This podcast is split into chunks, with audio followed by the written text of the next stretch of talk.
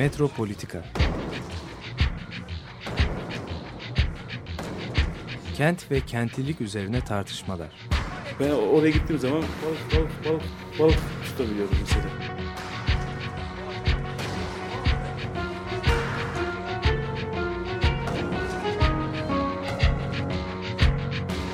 Hazırlayıp sunanlar Aysin Türkmen, Korhan Gümüş ve Murat Güvenç. Takusu yok yani. kolay kolay boşaltamadılar. Yani elektrikçiler terk etmedi Perşembe Pazarı merkezinde.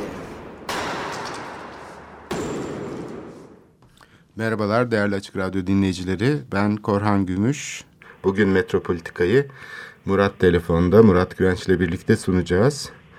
Ee, şimdi e, Murat'la e, bir önemli konuşma vardı. Ben onun için e, Murat'a sormak istiyorum. Murat beni duyuyor musun?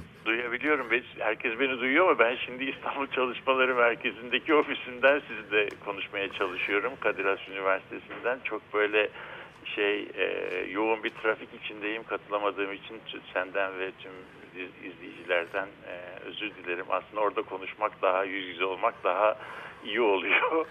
E, ses geliyor mu? Gayet iyi geliyor. Ee, estağfurullah. Ee, bu tabii e, ayırdığın zaman içinde bu yoğun e, trafik içinde çok Şu teşekkür ederiz. çok yoğun evet. Evet. Okulun çünkü e, sahiden şu Başlama anda zamanları, en- performanslar filan hepsi üst üste Evet. yani. Evet. Şimdi bu e, İlhan Tekeli'nin bir e, konuşmasını e, bana gönderdin Evet. ve orada e, İlhan Tekeli cevaplar vermek yerine soru sormanın Evet. zamanının geldiğini söylüyor. Başlığı da öyle zaten konuşmasının Evet. ve üç tane temel soru soruyor. İstersen bu sorularla başlayalım sonra bunları somutlaştıralım. Yani bizim programın formatı içinde Evet. ee, bu çerçeveden hareketle hangi konulara uzanabiliriz, nasıl bakabiliriz bir tartışalım istersen. Evet. Ee, sen bize söyleyebilir misin İlhan Tekel'in bu konuşmada özellikle sorduğu soruların şeyi ne, farkı nedir ve bu sorular nelerdir? Yani bu üç tane temel soru.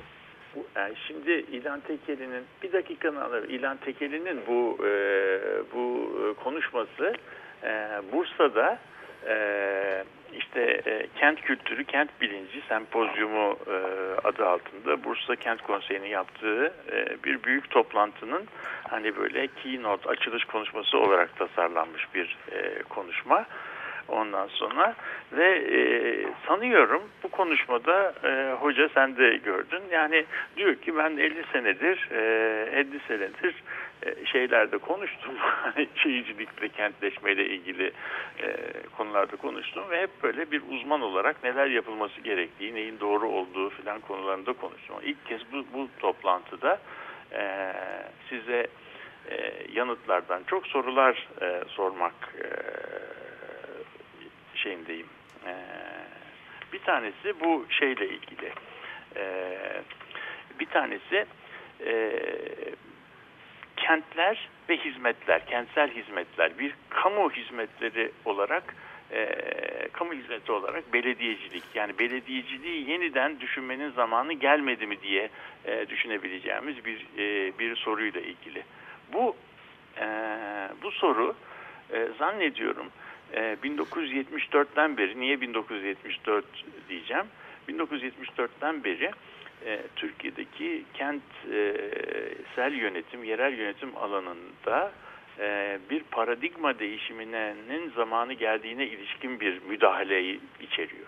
Evet. İkinci soru e, toplum demokrasi içeriyor ve bizim kutuplaşmamızı içeriyor. Bizim e, sorunları tartışma biçimimizle ilgili e, bir e, soruyu gündeme getiriyor. Yani bizim e, birlikte yaşama yani kentte birlikte yaşama sorunsalıyla ilgili bir problematik kuruyor.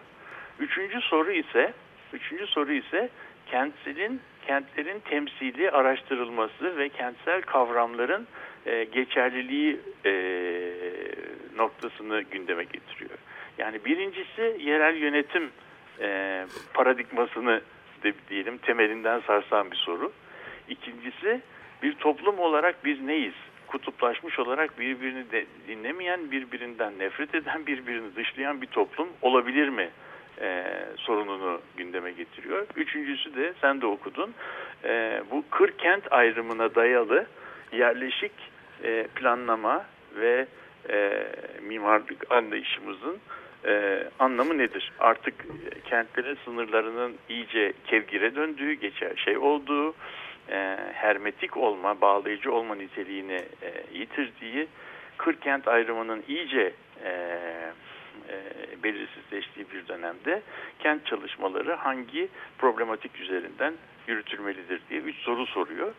Ve bu soruların bence geçerliliklerini e, irdeliyor. E, böyle bir şey. Ben şimdi burada keseyim. İstersen senin sorularına devam edelim.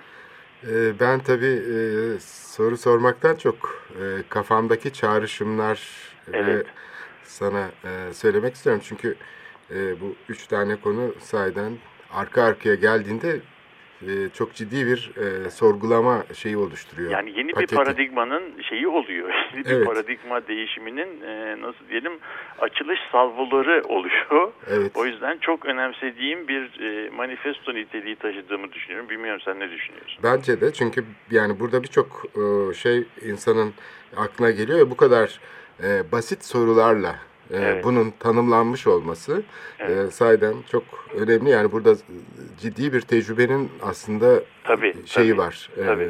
sonuçları Yani- bunlar. Yani Korhancığım bu, bu şeyin bu soru formülasyonuna gelebilmek için bunun arkasında e, en azından yani bütün bir e, bütün bir akademik çok uzun 50 yılı aşkın bir akademik performansın ve 1974'ten beri en az 1974'ten beri şimdi oraya geleceğim formüle edilmiş bir e, nasıl diyelim aktif katılımın yani e, bir, billurlaştırdığı böyle imbikten geçirdiği çok e, temel sorulardan e, sorular söz konusu.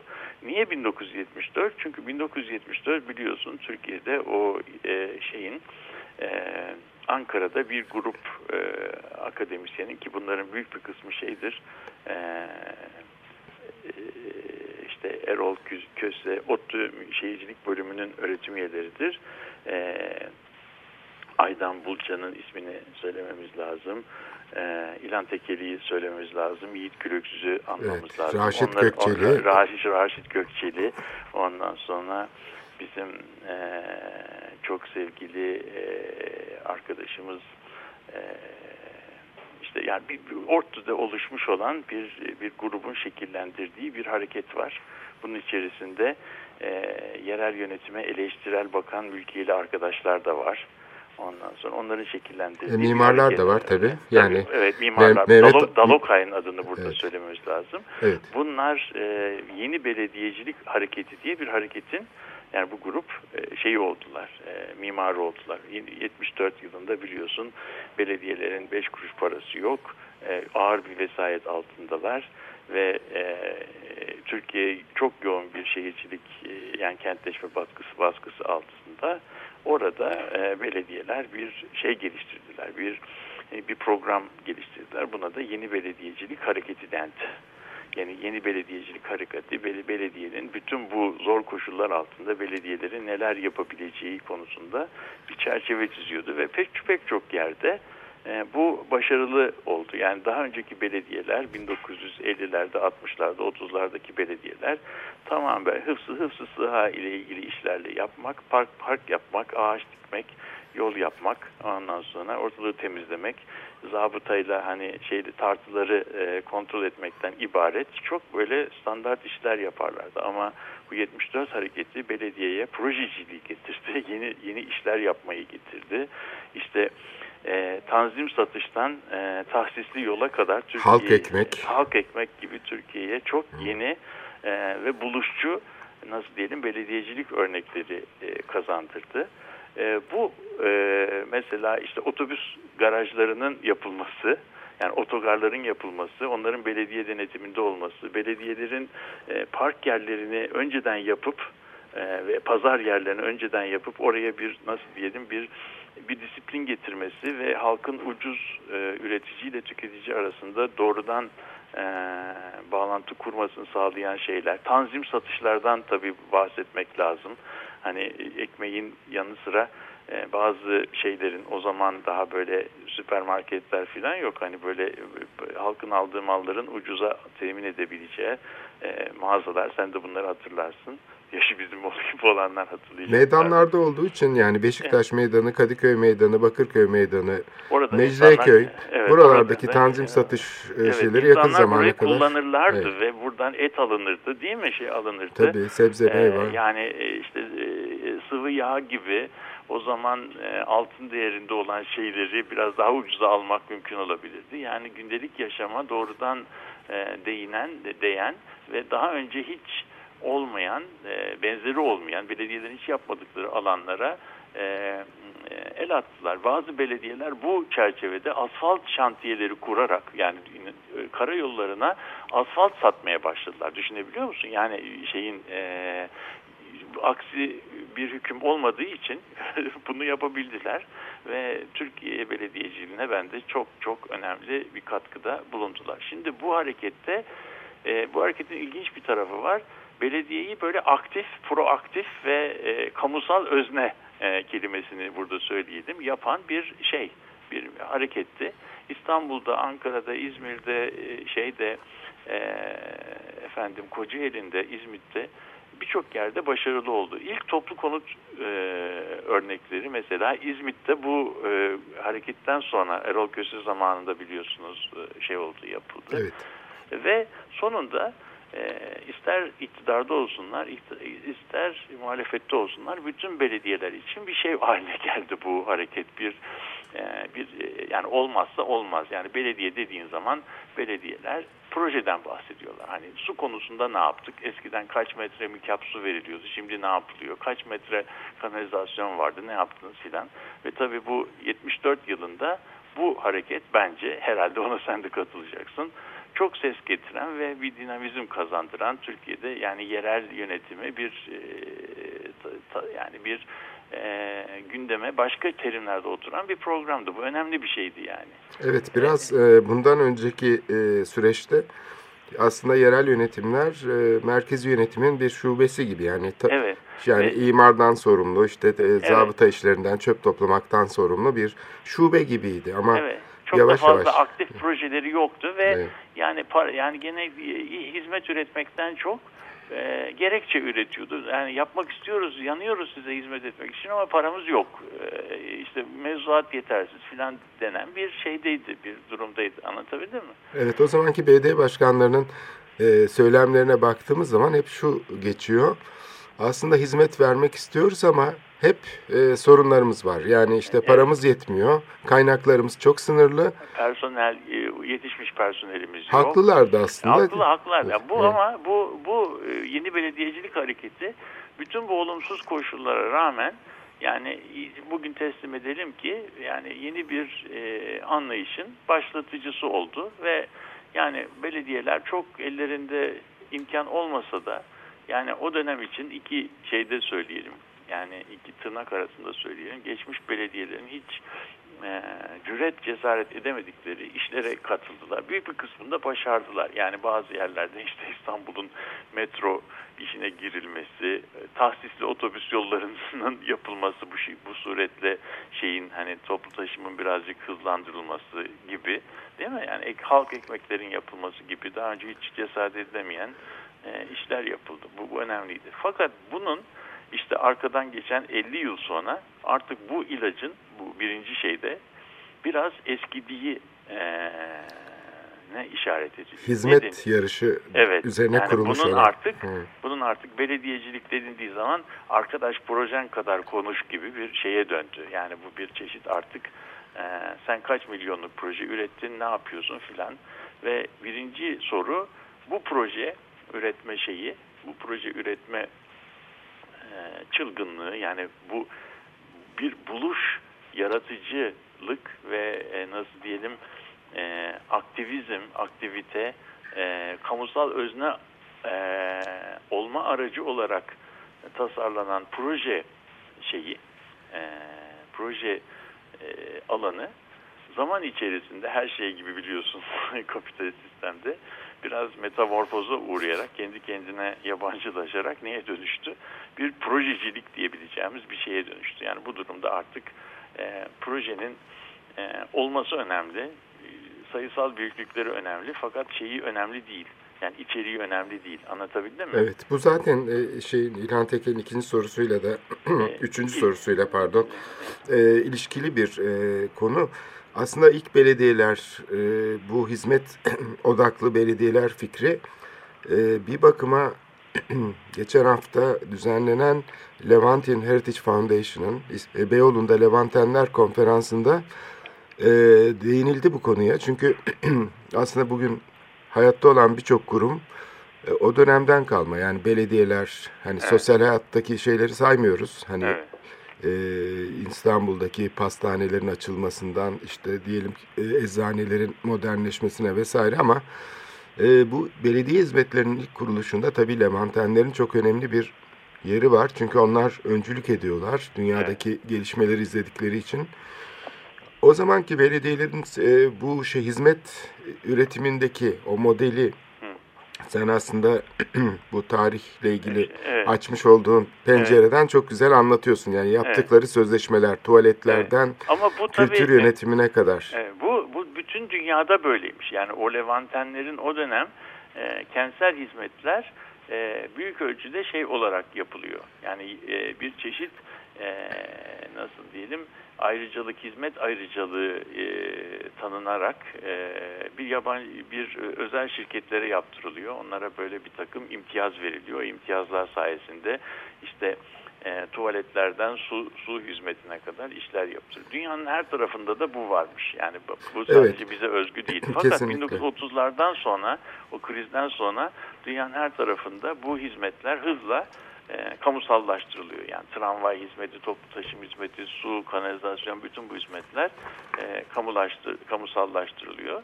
Ve e, Türkiye'de de belediye kanunu kurulduğu zaman büyük ölçüde yani bu kamusallaştırılmış olarak gidiyor. Ama kamusal e, gelirler çok yüksek olmadığı için Türkiye'deki şeyde yani 70'lere gelindiği zamana kadar da bunlar böyle hizmet kalitelerini, miktarlarını arttırmak yerine e, yani hizmet seviyelerini tutabilseler büyük bir başarı e, elde etmiş olacaklar. Bunu yapamıyorlar yani. Anlatabildim mi? Evet tabii bu şey konusu aslında İlhan Tekeli'nin e, 80'li yıllara doğru yazmış olduğu bir makalede Evet. ve zannedersem teziyle de çok ilgili. Evet. E, bu şeyle sosyal yapılarla mekansal yapılar arasındaki Evet. ilişkiyi irdeler o çalışmada. Evet, evet, evet, evet. Sosyal yapıların bir gölge fenomeni midir?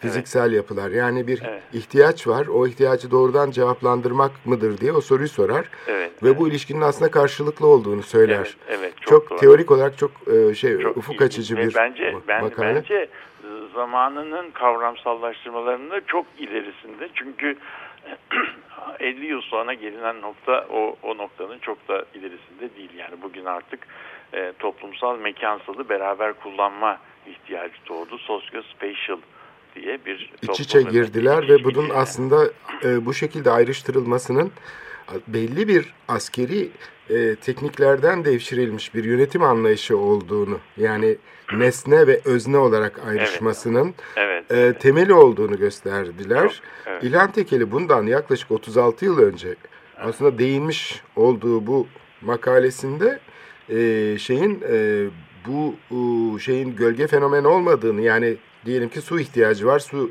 suyu arttıralım yolları genişletelim trafik e, sorunu var köprüler yapalım yani bu modelle tanımlanmasının hizmetlerin e, bir tür e, teknisist otoriter bir yönetim modeli olduğunu o zaman görmüş. Ha, evet, evet. Ve- Yani bir araçsal e, bakışın Evet. e, demokrasiyle çeliştiğini ki o sıralarda biliyorsun tabii böyle bir şey var. Yani bilim e, alanı e, oldukça güçlü şey olarak Tabii. siyasi iktidar Hakim. üzerinde bayağı e, gücü var bürokrasinin, e, üniversitelerin ve buna rağmen üniversitenin içinden bir ekibin çıkarak bu modelin, bu tek yönlü ilişki kuran bilim modelinin şehrin bir eşya gibi, bir bilimsel nesne gibi tasarlanamayacağını, bu şekilde hizmetlerin üretilemeyeceğini söyleyip bu ilişkinin aslında daha farklı bir şekilde okunması gerektiğini söyleyen ilk kişidir bence e, Evet.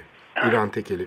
Evet. Bence bu bu e, bu bölümü e, açılan birinci soruyu e, belki nitelendirmek için onun e, konuşmasında vurduğu, e, bu, e, vurguladığı bir noktayı vurgulamak lazım.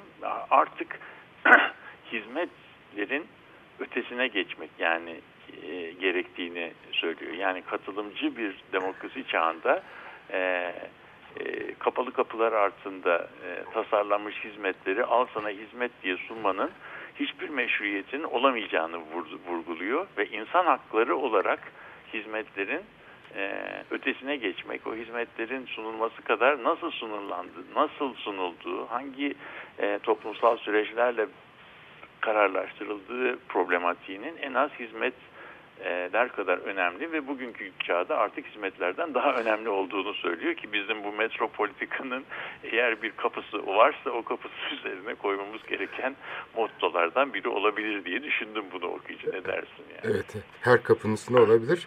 E, bu ikinci e, şey de yani kutuplaştırıcı söylemin aslında e, bu bir, bir şehrin de bu araçsallaştırılmasıyla nasıl eklemlendiğini de aslında görmüş oluyoruz. Çünkü biz siyasi konuları daima böyle e, şey e, ötesinde konuşuyoruz. Yani gündelik sorunlarımızın ötesinde. Bu yüzden de kamusallık, sivil toplumu, öznellikleri, fragmentasyonu içine almıyor. O hep evet. dışta kalıyor. Çünkü onun üzerinde şey olmaması gerekiyor ki o bir kutsal bagaj olarak aslında siyasal alanı merkeziyetçi bir şekilde domine edebilsin. Şimdi programın ikinci bölümünde istersen somut konulara geçebiliriz. Bu İlhan Teke'nin üst sorusuna e, hareketle. Ama bu ikinci konuda bence bu birinci hizmet e, ve e, şey olarak yani bu tek yönlü ilişki modelinin e, kararlarla işte siyasi kararlarla şehir arasındaki ilişki modelinin aslında dışındaymış gibi gözükmekle birlikte kutuplaşma ve konuşamama, tartışamama, konuları paylaşamama konusu aslında çok da ilişkili. Çünkü bu şekilde ayrıştırılıyor aslında yerel şey, mekan. Yani şehir dediğimiz e, alanın sadece fiziksel bir mekan olarak adlandırılmasının, bu şekilde tanımlanmasının yolunu açıyor aslında bu kutuplaştırıcı evet, siyaset evet. modeli. Evet, bir de bir, bir de ikinci bir noktayı e, belki vurgulamak lazım. Yine programımızın adı Metropolitika olduğu için bu hukuk veya hak e, alanının araçsallaşmasına yol açıyor veya ondan ele, el, e, el ele gidiyor. Artık e, yasalar, yetkiler, kurallar e, gerekçeleri, içerikleri, amaçlarından çok e, usulü yetki, prosedürel yetki şeklinde yorumlanmaya başlıyor. E, kurumlar ters yüz oluyor. Yani ters yüz oluyor ve yani kurumlar bir yerde kendi kendilerine yabancılaşıyorlar, amaçlarını yitiriyorlar ve de yani bilmem kaç sayılı kanun, bilmem kaç sayılı kanunla değişmiş maddesi, bilmem ne konusundaki bir mal müdürüne şu yetkiyi veriyorsa artık onun tartışılması e, söz konusu olmuyor. Bu da tabii bu e, insanların e, kamu yönetimiyle genelde e, özelde de yerel yönetimlerle olan ilişkilerini e, şekli, prosedürel yani usulü bir hale e, getiriyor. Ve bu usulü önemsemediğinden değil ama insanlar bu durumda e, güç güç kime verildiyse 5 sene artık o ben yetki bende diye canın istediğini yapar yaparım şeklinde bir nasıl diyelim şey ediniyor. Bir vehim ediliyor ve onun uygulamalarını yapıyor. Bu tabi birbiriyle konuşamayan bir e, şey veya sadece bir monolog şeklinde konuşabilen bir toplum, iki grup kendi fikirlerini söylüyor ve gerisini gerisini bırakıyor. Şimdi bu toplum kendi arasında bir görüşme pratiği yani konuşabilme bir diyalog üretemediği için bir intersübjektif e, konsensüse de varamıyor. Böyle olduğu zaman da toplum, sivil toplum bir e, nasıl diyelim çok e, demokrasi kuramının kendisinden çok beklediği baskı grupları şeklinde örgütlenmeyi e, beceremiyor. Yani bunun e, ön koşulu da e, karşılıklı olarak birbirini dinlemeyi öğrenmek. Bu da zor bir pratik.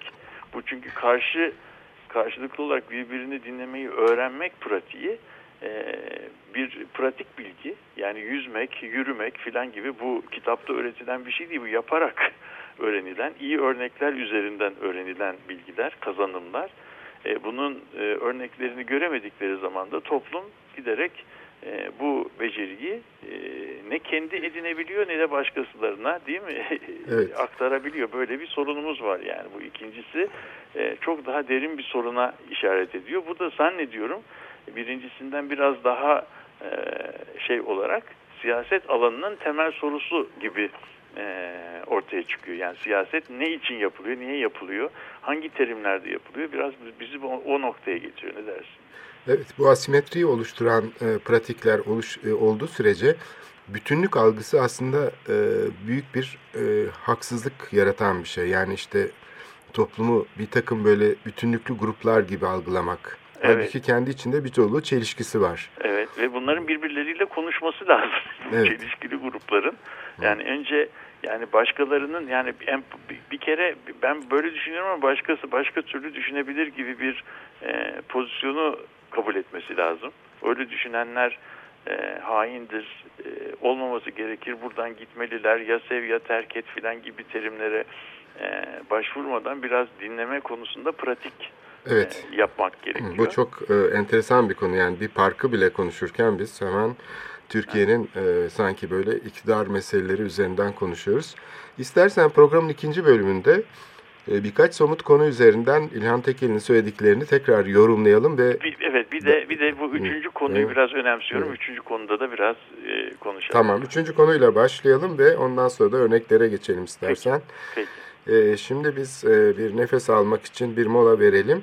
Evet. Blues Explosion'dan dinliyoruz. Meet Me in the City.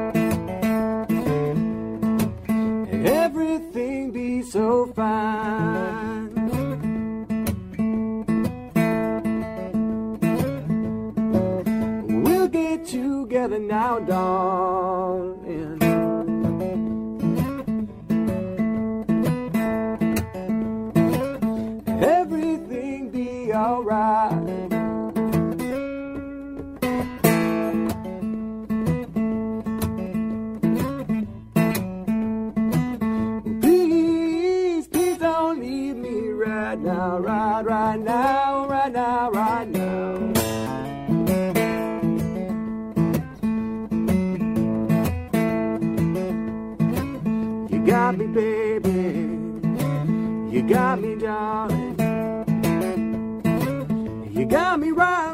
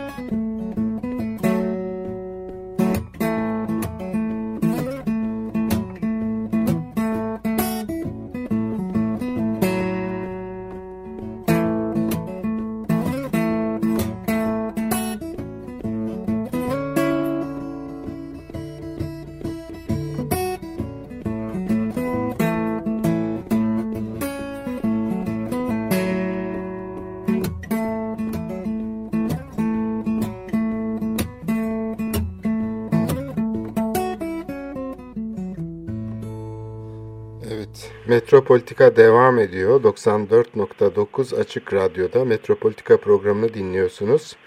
e, Murat Güvenç'le birlikte İlhan Tekeli'nin e, Bursa'da yapmış olduğu konuşmayı e, programın başında e, Başlığını da söyleyelim. Kendimize yeni sorular sorma zamanı gelmedi mi? evet değişik bir konuşma. Bir e, şey olarak e, Akademik, sarsıcı bir konuşma. çok alışık olmadıkları bir konuşma. Evet. Çünkü kendini gözden geçiren bir konuşma. Evet. Yani aynı zamanda e, bilim kendi, ve kendi üzerinde düşünen, düşün evet. Şimdi üçüncü e, başlık, üçüncü soru daha doğrusu. Üçüncü soruyla e, somut konulara da geçebiliriz Evet. zannedersem. Evet, şimdi bu üçüncü üçüncü soru e, e, yani yerel yönetimde ve e, kent ve bölge planlama e, disiplini alanında e, modernite döneminde yerleşikleşmiş kavramların geçerliliklerini e, so- e, sorguluyor. Yani burada da ilk başta verdiği örnek e, iki örnekten bir tanesini şey yapayım. Bir tanesi kent, öbürü de kentti. Kent nedir? Kentli nedir örneklerinden bahsedebiliriz. Yani bu kavramlar e, bütün herkes birazcık e, şehir literatürü okuyan e, herkes bilir ki kent e, modernite döneminde 1920'lerde Chicago Okulu'nun büyük katkılarıyla beraber kent kentin dışındaki kırsal alana atıfla tanımlanmıştır. Yani biz mesela biz mesela Orta Doğu'da ilk şehir sosyolojisi dersleri e, okurken rahmetli Mü- Mübeccel Kıray bize e, şehir işte tarımsal alandaki artık ürünün e, depolanmasının, e, paz- e, pazarlanmasının, e, kontrolünün, denetiminin e, yapıldığı e, bir merkezdir diye tanıtırdı. Yani kent daima kendi dışındaki kıra atıfla ve ondan farklı bir alan olarak tanımlanırdır. En önemli şey, en önemli kent sosyolojisi makalelerinden bir tanesi işte Louis Wirth'in e, bir yaşam tarzı olarak kentlilikte, kentlilik kırsal yaşam tarzının zıttı, tersi gibi tanımlanmıştır. Bu üçüncü şey de bu belki 1920'lerde Türkiye'de dünyanın başka bir yerlerinde e, bir ölçüde geçerli olsa bile artık günümüzde bunu savunmanın imkanı kalmadı. Çünkü kentlerin hem ekolojik hem de toplumsal hem e, hem de eko, ekonomik ilişki mekanındaki ayak izleri artık e, idari sınırlarının çok ötesine geçti. Yani bugün İstanbul'u İstanbul Gebze'nin e, batısındaki bir il olarak tasarlamanın imkanı yok. İstanbul'un ekonomik etki alanı büyük ölçüde Türkiye sınırlarının bile dışınıyor. Yani burada artık e, böyle bir yerler mekanından e, Kastel'sin söylediği gibi büyük bir ilişkiler, ağlar, e, akımlar mekanına geçmek lazım. Buraya geçtiğimizde kent kavramını artık kıra referansla e, tanıyam, tanımlayamıyoruz. O zaman bu kent kelimesini kullanmak ne işe yarıyor diye soruyor İlhan Tekeli. Bugün bizim kullandığımız sözcüklerin gerçekler dünyasında karşılığı yok diyor. Biz anlamı olmayan kelimeleri kullanarak politikalar üretiyoruz. Tabii başarılı olamıyoruz diyor. Şimdi bu bu bu benim aktardığım alıntı bence e, kent konusunda eğitim yapan, kent planlama eğitimi veren bütün kur, kurumlarda, bütün stüdyolarda, her yerde e, tartışılması gereken bir önerme. Yani acaba bu hangi bakımdan bizim e, kavramlarımız eskidi, geçerliliğini kaybetti diye e, sorgulamamız lazım. Bu tabii akademiyayı, akademiyaya bir çeşit bence bir elektroşok. Evet en sarsıcı olan da bu zaten. Çünkü kullandığımız kavramlar e, eskidi. Eskidi Yani hiçbir anlamı artık- yok. O evet, kavramları artık- kullanıyoruz. Mesela imar planı diyoruz. Evet, artık bunun bir anlamı, yok. Anlamı kalmadı. Yok Evet, şehirle bir evet, alakası yok. yok. İmar planının şehrin neyini temsil ettiğini yani sadece yükseklikler, metrekareler, arazi kullanım oranları falan filan ama ulaşım diyoruz. Evet, Ulaşım kopuk tek olarak başına bir olay mı ulaşım kendi başına? Yani biz hep bu yaratmış olduğumuz üst dillere hapsetmeye çalışıyoruz ve bu şehri. hapsedilen bir, bir bizi bizim bir, bir bize bir yanılsama yaratıyor ve bu yanılsamalar içerisinde biz e, gerçekliği temsil ettiğimiz ve ona müdahaleler getirebileceğimiz e, şey yanılsamasıyla e, nasıl diyelim rüyasıyla yaşıyoruz ama bu durumda dil bize bir oyun oynuyor diyor. İkinci bence önemlisi büyük bir elitizm eleştirisi getiriyor. Herhalde onu da e, gözden kaçırmamak lazım. Mesela bugün İstanbul'da e, okumuş yazmış aydın e, kesimin büyük çoğunda İstanbullu denildiği zaman İstanbullu kelimesini kullandığımız zaman işte 1930'larda İstanbul kök ailesinin köklü 1930'larda İstanbul'un e, nasıl diyelim yerleşik temelli bilmem bilinen ailelerine gidenler işte bilmem e, modaları oturanlar Kemer bugün Kemerburgaz'da oturup Nişantaşı'nda e, şey yapan e, alışveriş yapan okumuş yazmış kesim mi kastediyoruz? Acaba böyle kastedersek İstanbul'un Taksim'ine İstanbul'da oturmasına rağmen %45'i Taksim'e gelmemiş İstanbulluları nereye koyacağız diye şey yapıyor. Bu elitizmin bu e, kendine benzemeyeni dışlama, dışlayarak e, oluşturulan bir to toplum tahayyülünün bir e, kentte birlikte yaşamanın e, altyapısını kuramayacağını bizim kullandığımız kavramları, yöntemleri, e, anlamları, içerikleri e, yeniden gözden geçirmek ve bunları ilişkisel olarak yeniden e, tanımlamaya çağırıyor. Bu çok önemli bir e, şey, önemli bir e, çağrı, e, nasıl diyelim bir e, bir şey mi, bir bence bir manifesto niteliği taşıyan bir önermedir. Bunu da bütün e, kent çalışmaları alanında e, herkesin bunu dikkate alması lazım. Ben kendi namı hesabıma bu, bunu, bunu çok önemsiyorum. Bunun gereklerini yerine getirmeye çalışacağız. Biz de e, Metropolitika programında e, bu kadar veciz formüle etmemiş olsak da e, yani işte projeciliğe, e, kentliliğe verdiğimiz e, öneme, katılımcılığa verdiğimiz önemle bunun bazı gerekçelerini önceden yapmıştık ama ilk defa bizim yapmaya çalışmaya çalıştığımız şeyler bu kadar berrak e, formüle edilmiş oluyor ne dersin? E, bana da öyle geliyor çünkü yani bu üç soru e, çok temel e, şeyleri gündeme getiriyor. Yani son olarak bu kavramların eskimiş olması ama buna rağmen sanki hiçbir şey olmamış gibi. Evet, bu gayet devam mutlu mesut. Yani üniversitelerden mezun olan mesela şehir plancılarının sanki şehri planlıyormuş gibi zannetmelerini kendilerini evet, evet, evet. ve buna ilişkin bir uğraş içinde hiç umursamadan devam etmeleri mesela çok e, şaşırtıcı olur. Yani burada Bu... mesela ben bir örnek vereyim. Şimdi herhalde artık zamanımızda az hmm. kaldı. Örneklere geçmekte hmm. yarar var.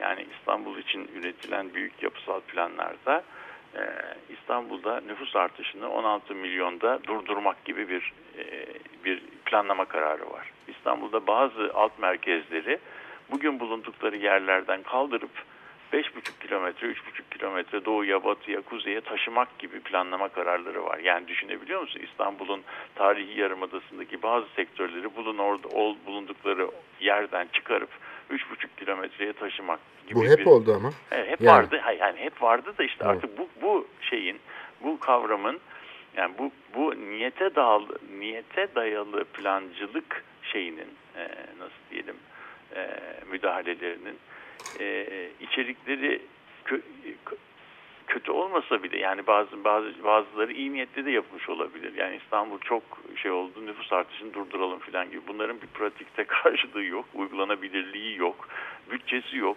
E, böyle bir talep yok. Yani plancılar böyle bu tür formülasyonlarla e, şey yapıyorlar ve bunun yetkisi şeyden geliyor. Yani modernist planlama anlayışında plancının e, kamu yararını bizatihi e, kendi bünyesinde temsil edebilen bir ajan olarak görülmesiyle e, ilgili bir şey diye görüyorum. Anlatabildim mi? Evet burada yani temsil sistemi aslında temsil edileni kendi içine alıyor evet. ve onun şeyini e, ilişkisini yok ediyor. Evet. Yani onun içinde değil. yeniden üretiyor. Evet. Temsil edilen temsil edene dahil edilmiş oluyor evet. ve orada onun üzerinde operasyon yapıyor. Yani onu öyle tanımlıyor. Evet. Yani bu durumda aslında bu senin söylediğin bu temsil sistemi bir süre sonra bunun kötü etkisi şu e, hakikatte yaş yani gerçek hayatta yaşayan insanlar, kadınlar, erkekler gündelik yaşam artık e, siyasette kendi olduğu gibi e, temsil edilmekten çıkıyor. Sadece o kavramsal çerçevede nasıl iz bırakıyorsa onlar üzerinden temsil edilmeye başlıyor. Bu tıpkı hastayı görmeden efendim e, şey e, hastayı görmeden e, laboratuvar raporları üzerinden teşhis yapmaya benziyor. Yani sen oradaki teşhis o laboratuvardaki e, nasıl diyelim tahlili yapan aletin duyarlılığına bağlı. Artık sen e, hastayla olan ilişkisini, ilişkini kesmişsin. Hasta yok yani. Hasta ancak bir laboratuvar raporuna dönmüş vaziyette. Bu da tabii e, sonuçta e, şeyin e, nasıl diyelim e, akademiyanın ve müdahale yapan kamusal öznelerin gündelik hayatla olan ilişkilerinin büyük ölçüde kopmasına sebep oluyor değil mi? Evet burada yani biraz da yöntem olarak aslında e, çareler e, bulunması zor belki. Bunu değiştirmek yani kolay değil ama işte başlamak lazım. ama sorum sormak gerekiyor. Yani Evet. bunu e, yani belki kolay kolay her şey değişmez. Mesela diyelim şu ihale sistemiyle plan elde edilmesi. Şimdi bu çok tuhaf bir şey. Yani bir hizmetin bilgi üretimi konusu gibi hem farklı düşüncelere açık olması gereken deneysel bir uğraşın sanki böyle e, tuğla satın alır gibi, çimento satın alır gibi ihaleye çıkarılıp alınması mimari hizmetlerin mesela kamuda. Evet. Şimdi sivil toplumda belli bir ilişki modelini gösteriyor. Diyor ki siyasi kararları ben veririm. Aslında sen sadece benim verdiğim kararlara uyacak teknik hizmeti yerine getirirsin. Evet. Oysa ki bilgi üretimi deneysel bir alandır, çoğulcu bir alandır. Bunu nasıl siyasi şeyin altındaki teknik şartnamelerle, bürokratik modellerle tanımlayabilirsin? Restorasyon dediğimiz konu mesela. Restorasyon da son derece yaratıcı bir konu. Yani bunu sanki böyle doğrusu var bir şeyin. Evet. Onu da işte şey resmi şey tanımlıyor bürokrasi. Ondan sonra da işte iyi mimarlar var bu hizmeti yerine getirecek. Evet. İyi çocuklar, bizim çocuklar. Yani onlar aslında mimarlıkla alakaları kalmamış çoğu zaman ama hani koruma kuruluna güzel çizen, işte güzel şey yapan, uyumlu işler yapan falan gibi. Bunların aracılığıyla yapılıyor. Bütün Narmanlı projesi böyle, emek sineması böyle, Evet. Taksim'deki kışla böyle yani her tarafta bakıyorsun bu sefer böyle bir takım aracılık hizmetleri haline geliyor. Bütün bilgi üretimi. Şehir Ben- planlamada evet, da böyle. evet, Şehir evet. planlama konusundaki bir takım ofisler var. Bunlar işte yönetimin istediğini yaparlar. Oysa ki bilgi tarafının bağımsız durması gerekir. Yani bu ihale sistemi tam da siyasi şeyin teknik bir işmiş gibi göstererek kontrolü altına alması ve tamamen piyasa aktörünün işgal etmesine yol açıyor kamusal Evet. alanları. Evet yani ben e, ömrü bu e, satın almalar, projeler, ihalelerle geçen bir araştırmacı olarak sana şu kadarını söyleyeyim ki bu alanda bilimsel proje yönetiminden alacağımız çok dersler var. Bir tanesi şu, sen bir proje, bir, bilim, bir e, bilimsel amaçlı proje yapıyorsan bunun yaratıcılığının, tasarımının, e, çerçevesinin e, ihaleye verilmesi söz konusu değil herhangi bir bilimsel projede. Yani ben, bana işte Türkiye'nin bilmem ne meselesini incele diye bir gruba bir iş veremiyorsun. Hani bir, bir, bir bilimsel amaçla. Ne yapabiliyorsun? Bu projeyi tasarlıyorsun. Bütün e, iş paketlerine bölüyorsun. Amacını, kapsamını, yöntemini, teorik çerçevesini kuruyorsun. Önceliklerini yapıyorsun.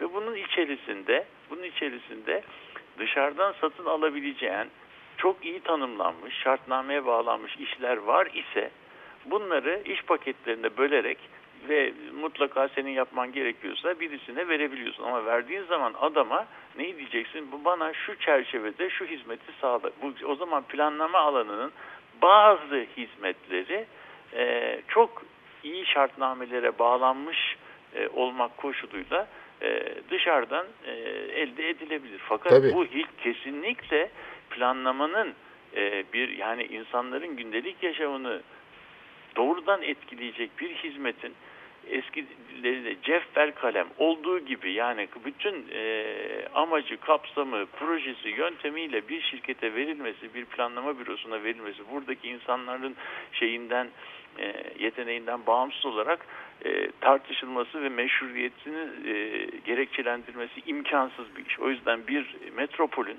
planlama hizmetinin senin söylediğin gibi bir kaldırım ihalesi gibi işlem görerek bir ihale konusu olması yani kabul edilir bir şey değil. Yani ve yani bu, bu da böyle olduğu zaman da yani sonuçta ne olmuş oluyor? Ee, kimsenin ciddiye almadığı ve e, bitiril onaylandığı gün geçersizleşen bir e, belge edilmiş. Tabii oluyor. yapılırken bir kere Ee, zaten evet. etkileşimli bir süreç yaratmıyor. Yani orada oturuyorlar uzmanlar işte o istenen Oturuyorlar. teknik şartnamede kullandıkları bazı terimler de var. İşte onların uzman olduğunu belli edecek böyle halkın İş anlamayacağı paketlerinde terimler. böyle evet. Yani Onun paket- içinde oturuyorlar işte ayrı ayrı her Evet. biri birbirine dokunmayan Evet. e, işler yapıyorlar. yani Plan ben- da sanki ayrı bir iş gibi. Hani bu İMP'de hazırlanan şey planı gibi İstanbul'un Evet, master evet. planı gibi. Evet İşte- ben geçen e, gün geçen gün e, yani yer ve isim ver belirtmek Hı. istemiyorum. Benzer toplantılara katıldım yani.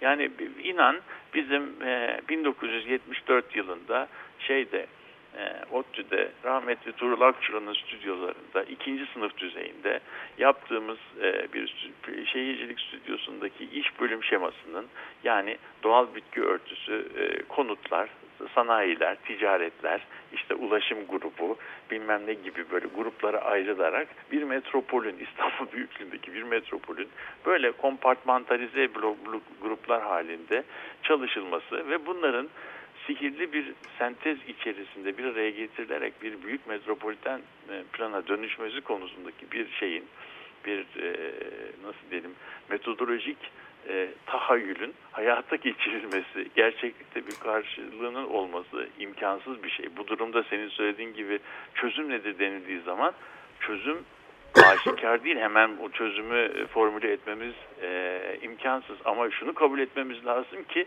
geçmişte yani bizim klasik konvansiyonel yaklaşım dediğimiz yaklaşım bu probleme çözüm getirmiyor. Yani bu- bunu bunu koymamız lazım.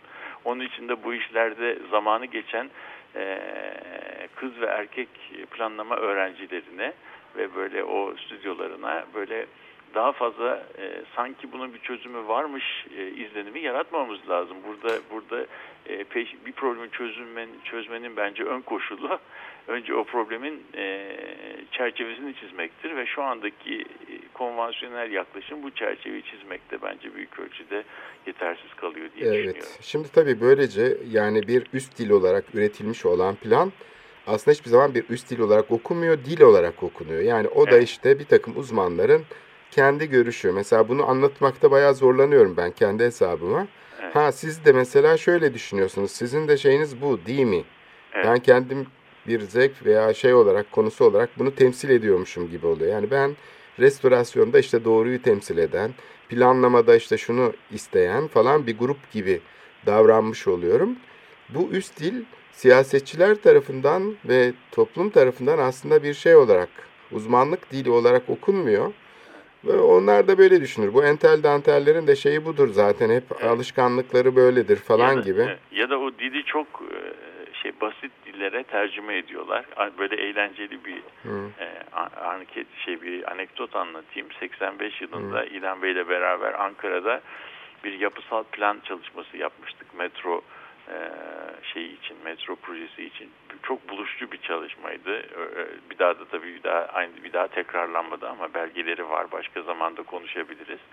E, Bunun sonunda da İngiliz e, yapı planlaması e, te- teknikleriyle bir takım e, şemalar çizmiştik şehirle ilgili olarak. Ama bu şemalarda gösterilen şeyler yani harita üzerine çizilmiş olan şekiller hani bizim e, yerleri işaret etmiyordu. Yani sadece bir takım müdahaleleri gösteren simgelerdi. Anlatabildim mi? Ama yerleşik planlama kültüründe böyle simgeleri içeren bir planlama çalışması yok. Onun için Ankara'da bazı e, bazı belediye yetkilileri bu bizim çizdiğimiz çizdiğimiz e, simgeleri cetvelle ölçüp senin arazin Yoksa? bilmem konuta girdi girmedi diye şeyler yapmışlar. Yani bu çok eğlenceli bir şey olarak anımsıyorum. Onları bir Yani. şey olarak Yani planın yani bir parçası olarak. gibi olmak. Yani bu okumuşlar. işte senin söylediğin üst dili dil gibi okumak veya o dilin şeyi simgeyi bilmem e, temsil etmediği şeyi gösteriyor gibi okumak gibi şeylerimiz var.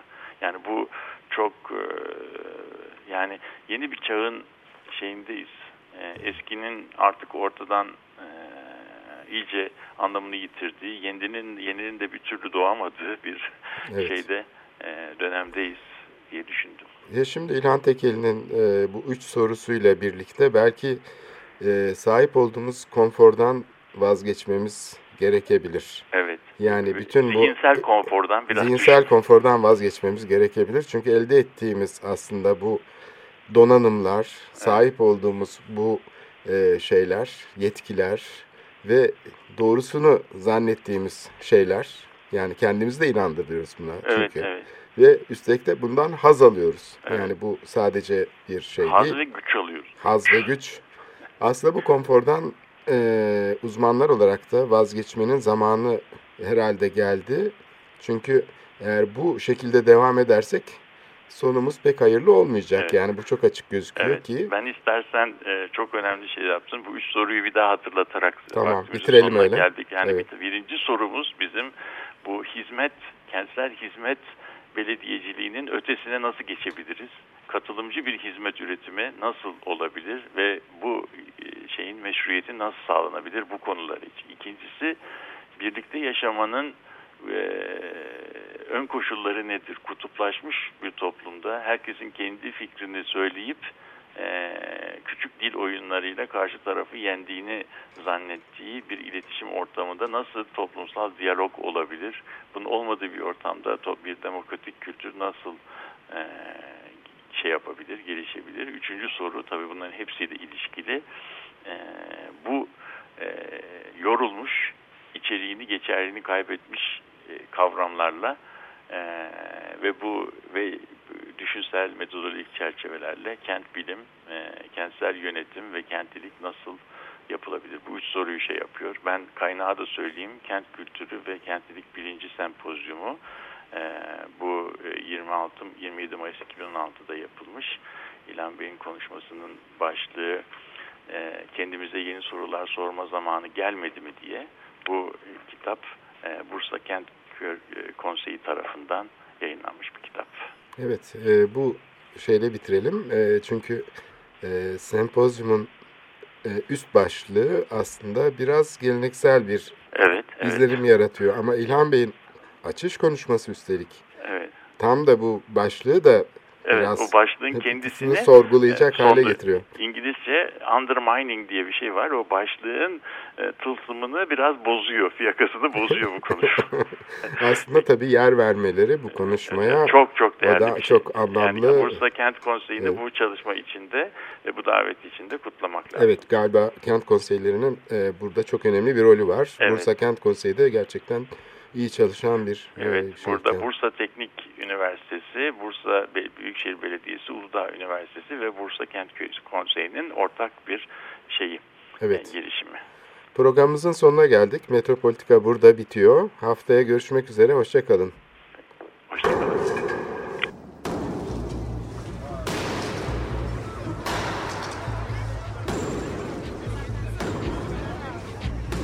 Metropolitika Kent ve kentlilik üzerine tartışmalar. Ben oraya gittiğim zaman balık balık balık balık tutabiliyorum mesela.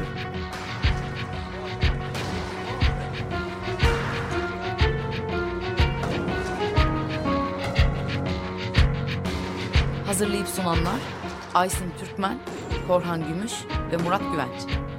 Takusu yok yani. Kolay kolay boşaltamadılar. Yani elektrikçiler terk etmedi Perşembe Pazarı merkezinde. Açık Radyo program destekçisi olun. Bir veya daha fazla programa destek olmak için 212 alan koduyla 343 41 41.